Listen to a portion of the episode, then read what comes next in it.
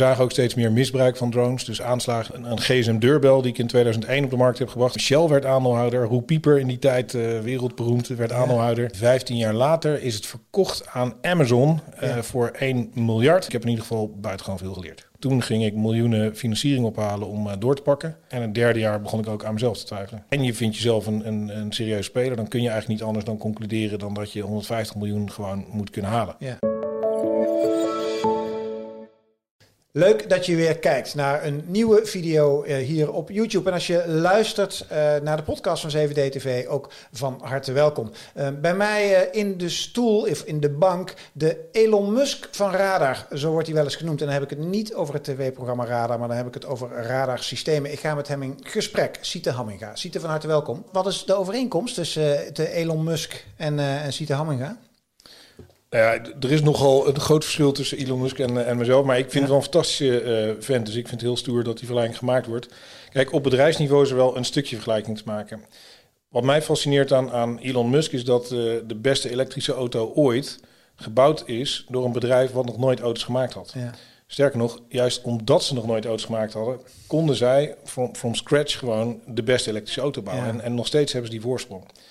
Um, een beetje is gebeurd hetzelfde, uh, is hetzelfde gebeurd met mijn, met mijn bedrijf. Uh, toen die issues rondom drones kwamen, uh, toen werd er gevraagd om drone-detectieradars. Wij hebben toen from scratch gewoon een blank stuk papier gezegd: oké, okay, we kunnen al vogels detecteren, we kunnen al drones detecteren. En nu gaan we iets bouwen wat echt gemaakt is om drones te detecteren en zo ook te kunnen onderscheiden van vogels.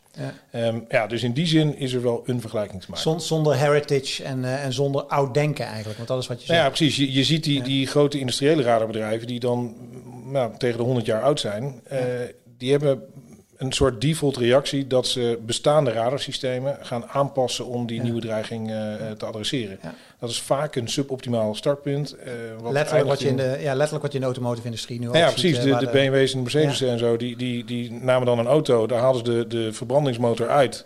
Die duwden ze net wat te laat bij R&D naar binnen en zei, uh, mag meermaal een elektrische auto. dat mag ja de Elon ook. Ja, ja, En, uh, en nog steeds vandaag de dag zijn ze by far niet op het niveau van Tesla. Klopt. Als jij aan mensen moet uitleggen in het kort waar Robin Radar Systems voor staat, hoe, hoe doe jij dat dan? Wat is het precies voor een bedrijf en wat doen jullie? Maak je inderdaad radarsystemen voor het detecteren van kleine doelen, dus vogels en drones. Het is begonnen met uh, vogelradars. Zeggen, die waren er eerder. Ja, ja. Dat, uh, dat is bijvoorbeeld uh, interessant voor in de luchtvaart om aanvaringen tussen vliegtuigen en vogels te voorkomen. Ja. En rond 2014 begonnen wij ons te verdiepen in drones. Die gebruikten we toen zelf al om onze radars te valideren. Maar we zagen ook steeds meer misbruik van drones, dus aanslagen ermee, drones die gebruikt worden bij gevangenissen. En wat bleek dat die militaire radars het heel lastig vonden om drones te detecteren. En als ze dat al konden, dan konden ze het niet onderscheiden van die vogels. Ja, dus toen zijn we een project gestart. Uh, hebben we ons eerste drone-detectieradar uh, gebouwd vanaf uh, scratch eigenlijk. Maar, maar luister eens even, want je gaat nu heel rap al meteen. Want die, je zegt, die, jij gebruikte zelf al drones om je eigen radarsysteem om te checken of het allemaal goed was of wat? Hoe deed ja, precies. Dus we maakten vogelradars. Ja? Uh, ja, dan wil je checken hoe goed dat is. Ja. Uh, maar ja, die vogels die vliegen niet altijd op de plek waar jij dat uh, wil checken. Je gebruikt het stand-in. ja, precies. Dus dan gingen we met een drone vliegen en die drone die wist precies waar die was. En ons radar zag hem dan.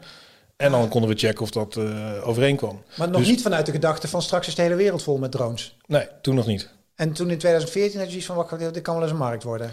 Ja, er kwam een uh, project vanuit de Nederlandse overheid. Uh, eigenlijk vanwege de Nuclear Summit in Nederland. Dus we, toen hadden we al die staatshoofden, weet je wel, werd ja. Nederland half overgenomen, ja, A4 ja, dicht. en uh, polderbanen, parkeerplaatsen voor vliegtuigen. Nou, in die periode, of in de aanloop daarop, gingen Defensie en, en politie en justitie gingen testen doen. Van, goh, kunnen we die drones eigenlijk zien? En toen kwamen ze achter dat dat heel lastig was, zelfs met militaire radars. Dat was niet opgelost op de Nuclear Summit. Maar het was wel de aanleiding om vervolgens uh, de industrie uit te dagen om met oplossingen te komen. Voor het detecteren en het uit de lucht halen van drones. Daar hebben toen 38 bedrijven op gereageerd. En wij zijn nummer 1 geworden.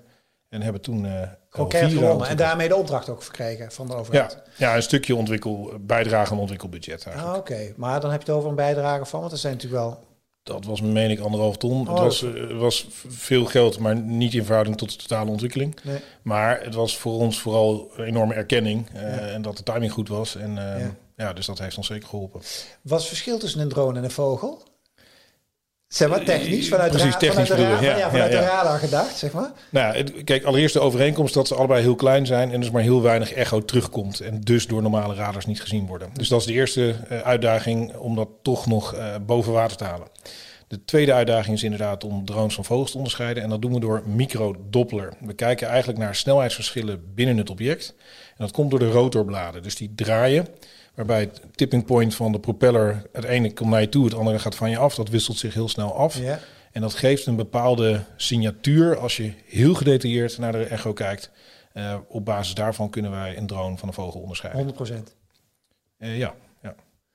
Ehm, je bent al een hele tijd aan het ondernemen. Dat is ook precies waar wij het hier op CVD-TV over hebben. Dus eh, daar wil ik meer over weten. En een van de dingen die wij in de voorbespreking en een uitgebreide mail, ook die ik van je ontving, de half ondernemersboek heb je op een gegeven moment geschreven. ja omdat ik heb je- het helemaal losgegaan. Ja, maar toch leuk dat je dat hebben meer mensen hoor. Dan bereiden ze zich voor op zijn interview en hebben ze zoiets van, oh ja, dit dingen. Zo, eh. Maar een van de dingen die wij opvielen, van een aantal dingen, maar een van die dingen was dat jij het had over eh, kwetsbaarheid. En dat met name kwetsbaarheid in relatie tot dingen die gewoon, je zei, ik doe meer dingen niet goed, of er gaan meer dingen fout dan dat er goed Eh waarop mijn logische vraag dan is natuurlijk van, een, een, noem, maar- noem eens wat dan, zeg maar. Ja, ik weet niet hoeveel uren het programma mag duren, maar nee, het is inderdaad. Kijk, ik, ik heb altijd een beetje een hekel aan, eh, aan interviews waarbij soort reverse engineered succesverhalen komen en dat je dan in de auto terug zit en denkt, goh, ik ben kennelijk de enige loser die eh, bij wie meer niet lukt dan wel. Ja. Dus bij deze mij lukt meer niet dan wel. Ja, ja, ja. Ehm, nou, een van de meest aansprekende voorbeelden in een hele reeks van dingen die ik geprobeerd heb, is ehm, eh, een, een GSM-deurbel die ik in 2001 op de markt heb gebracht. Dat was eigenlijk mijn eerste eh, bedrijfje, naast mijn studententijd. Ehm, ik dacht namelijk, goh, als je van huis gaat, dan check je drie dingen. Je portemonnee, je, je sleutels en je mobiele telefoon. ja. Dat was toen nog geen smartphone of wat ook. Maar Nee, ik, nee, ik nee. dacht dat gaat convergeren. Je gaat, eh, dat ding gaat slimmer worden. Je gaat ermee betalen. Je gaat identificeren. En je gaat er de voordeur mee openen. Ook omdat ik eh, net terug was uit Silicon Valley. Me een beetje verdiept in dat e-business. En dacht, ja, dat gaat tot heel veel pakketjes aan de deur leiden. Dus waarom komt de voordeur niet uit op je mobiele telefoon? Je bent een visionair. Ja, of heel naïef. Of, eh, ik was in ieder geval te vroeg. Ja. Eh, alhoewel, ik won daar de Livewire Young Business Award mee. Eerst regionaal, toen landelijk. Toen Met werd het Shell, idee. Ja, met het idee. Ik was ook echt gestart. Ik had een prototype. Eh Michel werd aandeelhouder. Roel Pieper in die tijd, eh, wereldberoemd, werd aandeelhouder. Dus dat was best wel een, eh, een, een, een gave avontuur. Ja. Zeven jaar van mijn leven aangegeven. Serieus? Een paar honderd van die dingen verkocht in Nederland. En 15 jaar later is het verkocht aan Amazon Ja. voor 1 miljard. Heet het ring. Alleen niet door mij. Ja, damn. Wat kunnen we daaruit leren? Eh, nou ja, men zegt wel timing is everything. Ja. Eh, nou, of het everything is, weet ik niet. Maar het is in ieder geval heel veel. Ja. Dus ik was duidelijk te vroeg. Eh, Ja. De markt was er niet klaar voor. Maar ik denk ook dat ik er niet klaar voor was. Dus ik- was ook nog wel jong. Ik kan me herinneren, als ik daaraan terugdenk, dan denk ik, krijg ik daar met je tenen aan. Ik, ik had een, op een gegeven moment een call met de halve boord van Motorola. Toen was ik dus, nou ja, nog geen dertig. En ik had die call, dat vond ik dan wel stoer. En ik weet nog dat ik al lopend met een oordopje eh, die halve boord te woord heb gestaan. En me op dat moment niet gerealiseerd heb. Dit zou wel eens de, de doorbraak kunnen zijn. En, en zo'n boord gaat niet voor niks met mij in gesprek. Maar die kwamen er denk ik toen achter van... ja, dit is een enthousiast klein bedrijfje in. Amsterdam. eh, Ja. ik weet het niet. Ik, ik heb niet in hun gedachten kunnen lezen. Maar ik, ik denk dat ik eh, ook nog wel jong was. En ik heb in ieder geval buitengewoon veel geleerd.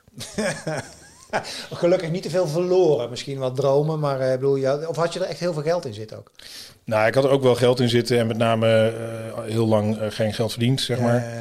Maar ik, ik ben er niet echt gefrustreerd over. Ik, ik, vind, ik vind het eigenlijk leuker dat, het- dat het nu dat ik gelijk blijkt te hebben qua visie. Dan, dan Ja. nu is het ook een leuk verhaal. Ja. Anders had ik zeven jaar lang niet gestoken wat niet eens een leuk verhaal was. eh, Rodrie. ja, Dus, in ieder geval een verhaal. En het belang Ja. van verhalen vertellen ze dat buiten kijf. Eh, Als we kijken naar Robin Radar Systems en de hele ontwikkeling daarvan. Eh, hoe is dat ontstaan? het is eigenlijk als een project binnen TNO Defensie en Veiligheid ontstaan Ja. eh, in de jaren tachtig voor de Nederlandse luchtmacht. Ik heb dat in 2010 overgekocht. Om er commercieel mee eh, aan de ja, om het commercieel te maken. En ehm, eh, eh, ja, dan moet je ook wel eens wat geluk hebben. En eh, wat wel aardig was, is dat eh, kennelijk had TNO al drie jaar met Schiphol gepraat over vogelradars, maar dat was allemaal moeizaam, moeizaam. Twee weken nadat ik het had overgekocht, eh, vlogen een paar ganzen in de motor van de Royal Air Maroc. Die stoog op van de polderbaan, eh, heeft net weer de polderbaan gehaald, is heel laag over Amsterdam gegaan. Volgende dag kamervragen en wat zegt Schiphol? Wij gaan eh, vogelradars kopen. Ah, Dus wij hebben op de opening van het bedrijfje ook in een, door de grachten van Amsterdam gevaren. Had ik een betonnen gans van eh 7 euro op Marktplaats gekocht. En die, hebben we, die staat nog steeds in het kantoor. Die hebben we onthuld als een monument voor de gevallen gans. Onze Guus geluk eigenlijk, want dat was wel echt een vliegende start. Ja. Dus die eerste anderhalf jaar gingen briljant. Eh, toen ging ik miljoenen financiering ophalen om eh, door te pakken.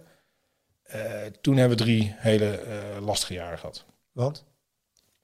Nou ja, kijk, zo'n groeiplan, om mij heel plat te slaan, deel 1 is geld uitgeven. Dat, dat lukt meestal wel. Ja, dat is lekker. deel 2 is dat de resultaten meegroeien. en dat viel eigenlijk heel erg tegen. Eh, we waren toen ook nog een klein bedrijf met relatief dure producten. Dus als we vier radars verkochten, dan deden we het fantastisch. Waren we erg winstgevend. Verkochten we er drie, dan eh, waren we eigenlijk al verliesnemend. En verkochten we er maar één, dan was het drama. Ja. Nou, dat laatste was het geval. We werden geconfronteerd met, met een wereld waarin veel aanbestedingen waren. We hadden gewoon een beetje geluk gehad in die eerste anderhalf jaar. Maar om dan door te pakken, ja, zo innovatief is de luchtvaartindustrie eh, nu eenmaal niet. Ehm, dus dat, dat duurde gewoon lang. En zo'n eerste jaar, daar hadden de aandeelhouders dan nog wel begrip voor. Het tweede jaar werd al wat lastiger. En het derde jaar begon ik ook aan mezelf te twijfelen. En toen? Nou ja, kijk, ehm, er zijn verschillende dingen gebeurd. Eh een van de dingen die ik heb gedaan is, eh, eh, omdat ik ook gewoon wilde weten. kijk, laat ik zo zeggen, je, je voelt je dan heel kwetsbaar. Ik, ehm, ik vroeg me af van, ben ik nou de held eh, waar ik, eh, dat, dat ik doorga waar, waar anderen stoppen? Ja, ja. Of ben ik de sukkel Die, ja, die een plaatjeskop heeft. die, die, die aan een dood paard blijft, paard blijft trekken? Eh, sterker nog, dacht ik wel eens in die kwetsbare momenten, misschien ben ik, is mijn talent dat ik mensen kan motiveren om aan een dood paard te trekken. Ik bedoel, met die GSM deurbel was ook al niet gelukt. Dus dat gaat dan ook aan je knagen. Dat je denkt, goh, misschien kan ik gewoon heel goed ouwe hoeren, maar niks voor elkaar boksen. Toen heb ik alle aandeelhouders bij elkaar gehaald. Hoeveel waren dat? Er waren toen eh, vier, vijf.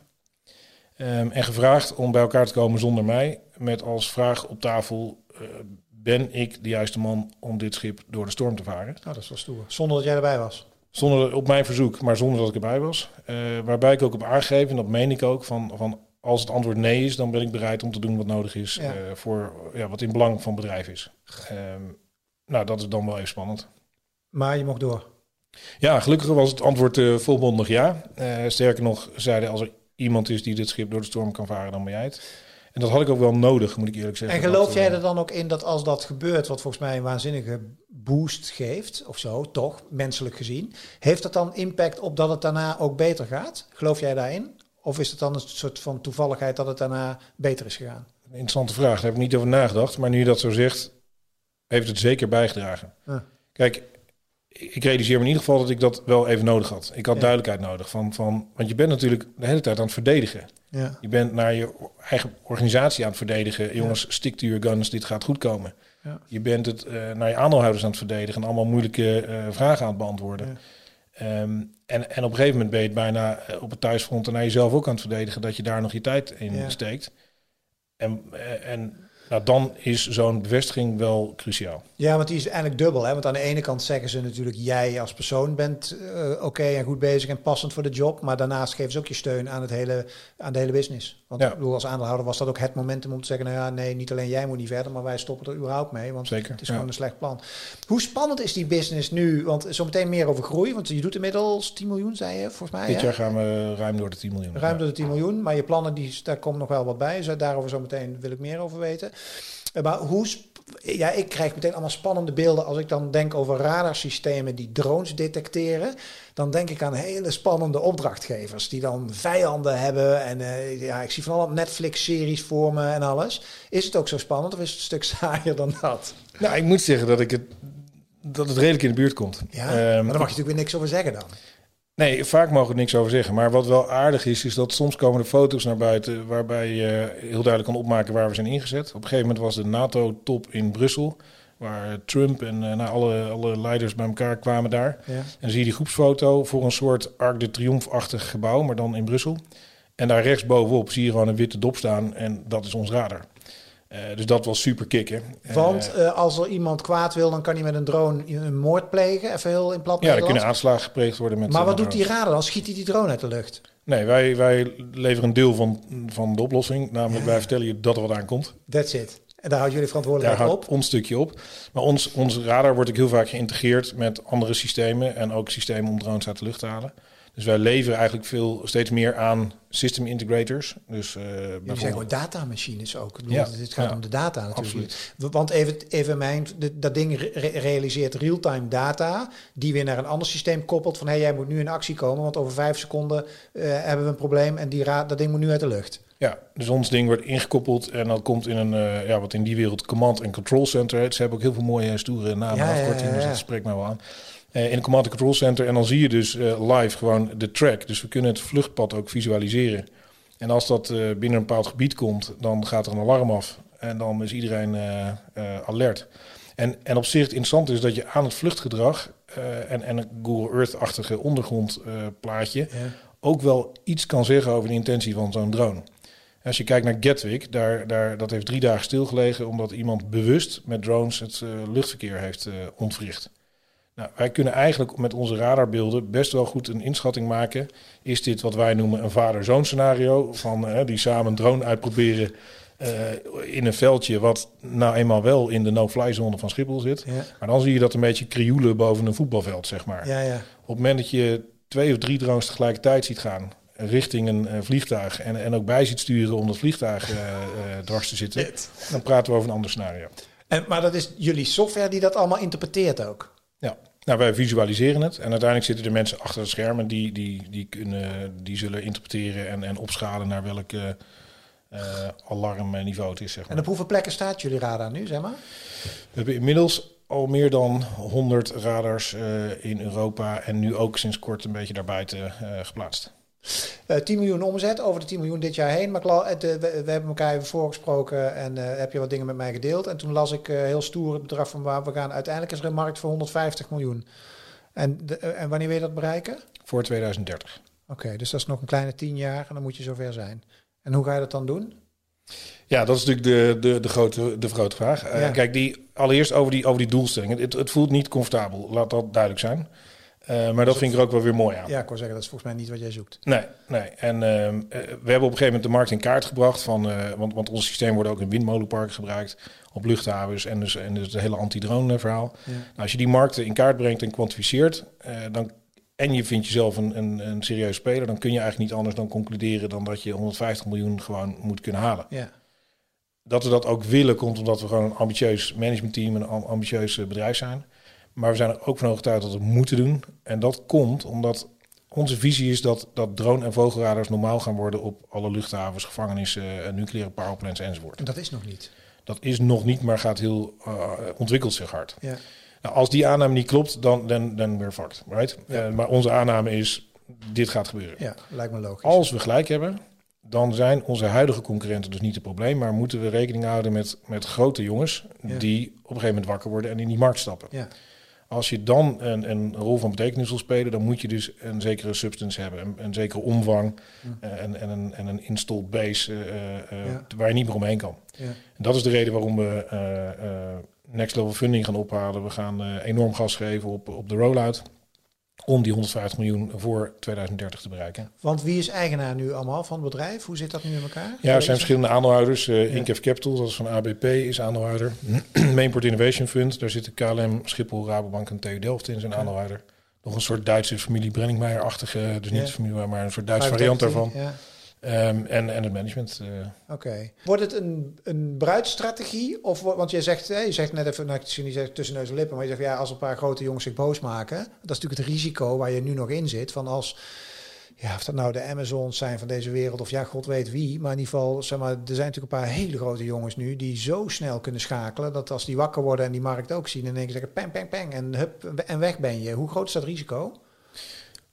Nou, we, we, kennen heel veel van die grote bedrijven en daar zijn we ook mee in contact. Want er zit, um, we hebben die grote partijen ook nodig om uiteindelijk de wereld te bereiken. Dus, dus ja. de enige manier waarop we dit gaan bereiken met een relatief klein team, want we willen niet, ja, we willen het eigenlijk met 100 man uh, gaan doen. Ja. Uh, dan oh, die, moet je die dus, omzet van 150 miljoen. Ja, ja, in de huidige spreadsheets gaan we naar de 200, maar oké, okay, in ieder geval relatief weinig ja. man voor zo'n uh, voor zo'n enorme omzet. Dat kun je alleen doen door heel veel te outsourcen, uh, maar ook door uh, heel veel samen te werken om, om die wereldmarkt te bedienen. Dus we gaan grote bedrijven uh, aan ons binden of mee partneren om die wereldmarkt te bereiken. om onze systemen te integreren in hun totaaloplossingen en, en breed te verkopen. Maar wat is dan jullie core IP, zeg maar? Is dat dan, zit hem dat aan de hardwarekant of aan de softwarekant of aan de knowledge kant? Waar zit dat dan, dan in? Ja, we, allereerst hebben we inderdaad de keuze gemaakt om echt alleen op die radarsensor te focussen en niet op al die andere toestanden. Um, en die radarsensor is meer software dan hardware. Kijk, inmiddels maken we ook hardware en dat ontwikkelen we bijvoorbeeld samen met TNO, waar, we ooit, uh, waar ik ooit de spullen van gekocht heb. Ehm, en ook met andere bedrijven. Uh, omdat we met bestaande hardware niet, niet goed uit de voeten kunnen. Dus we hebben dedicated hardware ontwikkeld en laten maken. Mm. Maar in de kern is het software. Ja, ja en, en, en dus hoeveel developers heb je inmiddels? Ja, we gaan nu richting de 60 man. Ik denk dat meer dan een derde daarvan uh, in ja. R&D zit. Ja, en hoe ziet die toekomst daarvan uit, zeg maar? Wat, wat zit er op de roadmap allemaal zeg maar, aan te komen op dat gebied aan innovatie? Zou willen weten, hè? Ja. Nou, ik kan wel iets over vertellen. Kijk, de, een van de uh, interessante dingen die je ook heel veel hoort, buzzwords in, in, in, in techland, is deep learning. Ja. maar dat is voor ons ook heel relevant. Ja. want ik gaf net uitgelegd hoe wij op dit moment drones van vogels onderscheiden. Ja. Maar we zijn ook bezig met deep learning uh, algoritmes, uh, dus neurale netwerken, om te kijken of er nog meer manieren zijn om drones van vogels te onderscheiden en nog meer te kunnen zeggen over de doelen waar we naar kijken. Dus dat is een hele interessante. Uh, integreren met andere sensoren. Uiteindelijk snappen wij ook wel dat, dat wij niet de silver bullet hebben en dat je misschien wel een camera wil knopen aan, aan ons radar en die dan wil sleven, zeg maar, om bijvoorbeeld te kijken of er ook iets onder die drone hangt. Ja. Ehm, dus, dus we focussen heel erg op integratie. Um, ja, en die, ja. Drone, want die drones die worden natuurlijk ook steeds slimmer. Ja, voor ons maakt het niet zo uit uh, dat ze steeds slimmer worden. Dat nee? is wel fijn. Nou ja, we kijken echt naar het object zelf. Kijk, er zijn ook technieken om... Ja, wel, dat snap ik wel. Maar als, als jou... Maar dan gaan we even, even, even nerdy doen. Maar ja. als, jou, als jouw intelligente software straks zegt van... Ja, maar de intentie van die drone is dat en dat. Maar die loopt jou te fokken. Want dat is zijn intentie helemaal niet. Maar hij heeft een andere intentie. Want hij is nog slimmer. En snap je, dan kan je elkaar wel een beetje ophitsen qua ja. data intelligence, zeg maar. Ja, dat kan. En er zal zeker een red race uh, ja. zijn tussen... en dan, dan met name ook met interventie, dus het uit de lucht halen van drones. Uh, dat is ook ingewikkeld. Um, dus daar, daar zien we veel... Ja, als je kwaad wil, dan, dan kun je wel dingen bedenken om dat iets moeilijker te maken. Um, een, een simpele vorm van detectie is eigenlijk RF-detectie. Dus dan, dan, dan heb je een antenne waarmee je kijkt, wordt er ergens een drone bestuurd? Mm -hmm. En daarvan uh, is men in het hogere geweldsspectrum, zoals ze dat mooi zeggen, Ronnie, wel zo, ja? achter, ja, zo heet dat, um, dat dat niet zaligmakend is. Dus je kunt drones voorprogrammeren uh, en dan is er geen uh, besturing en, en valt die technologie af. Dat maakt ook, uh, daar zijn we ook weer een beetje, hebben we mazzel mee, dat met radar, ja, we kijken echt naar het object zelf. Dus of die nou voorgeprogrammeerd is of niet, dat maakt ons niet uit. Nee. En dat maakt dat radar eigenlijk in alle totaaloplossingen een rol speelt. Ja, ja, ja, ja. Um, wat zijn de belangrijkste ondernemerslessen die jij zeg maar, uit het verleden meeneemt naar de komende jaren? Als je terugkijkt naar de afgelopen jaren, wat je allemaal zeg maar, geleerd hebt als ondernemer? Ja, dat zijn er heel veel. Um, kijk, een van de dingen die mij nu het meeste helpt uh, uh, bij die groei en bij het realiseren van de doelstellingen is, is jezelf opnieuw uitvinden. Ja. Um, dus op het moment dat je met een man, uh, tien man bent, dan, dan ziet iedereen wat iedereen doet. En ja. ik vergelijk dat met, met een tafel. Iedereen staat eromheen, iedereen heeft overzicht. En als er iets van tafel dreigt te vallen, dan zien we dat allebei. En ik zie ook dat jij het oppakt, hoef ik het niet te doen. Bij 25 man gaan er voor het eerst dingen van de tafel vallen. Uh, en zijn er in één keer twee mensen aan hetzelfde bezig. Ja. Uh, bij 50 man zie je alweer dat er nog meer structuur nodig is en dat het ook ander leiderschap van, van jou verlangt. Ja. En dan is het de kwestie van loslaten. En ik vond dat spannend. Uh, kan ik loslaten of niet? Een hele belangrijke stap voor ons was dat ik uiteindelijk een, een topdame als COO heb aangetrokken. Ook voor het eerst met een executive search bureau gewerkt. Wij dachten ook, ja, ja veel te duur, maar ja. Toch een keer gedaan. En dat heeft in ons geval heel goed uitgepakt. Okay. Ja, dat is, een, dat is een briljante move. We hebben nu een, een managementteam van vijf man. en vrouwen overigens ook. Die runnen de tent. Ja, en dat, dat, da daarmee kan ik meer in mijn kracht zitten. Ja. Ik merk ook dat ik van hun heel veel leer. Uh, cruciaal is dan dat je in het managementteam ook een sfeer creëert van, van veiligheid. Dus dat, waarin je, die, wat we eerder bespraken, die kwetsbaarheid. Ja. Dat je ook kwetsbaar kan opstellen binnen je MT. Hm. Dat je zegt, jongens, ik heb dit op mijn, op mijn bord liggen. Ik, ik weet het eigenlijk niet. En dat je daar een eerlijk gesprek over kan hebben. En ook dat je uh, met elkaar de confrontatie binnen, binnen deurs, uh, ja. binnenskamers aan kan gaan. Ja.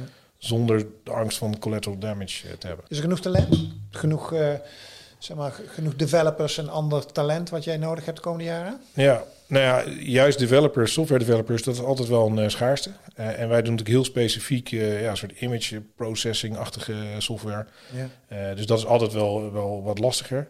Maar ik moet zeggen, het klinkt een beetje lullig, maar in deze COVID-tijd, wij zien nu echt enorme talenten voorbij komen die we ook binnenhalen, want, want wij nemen aan. Ja, en andere partijen niet.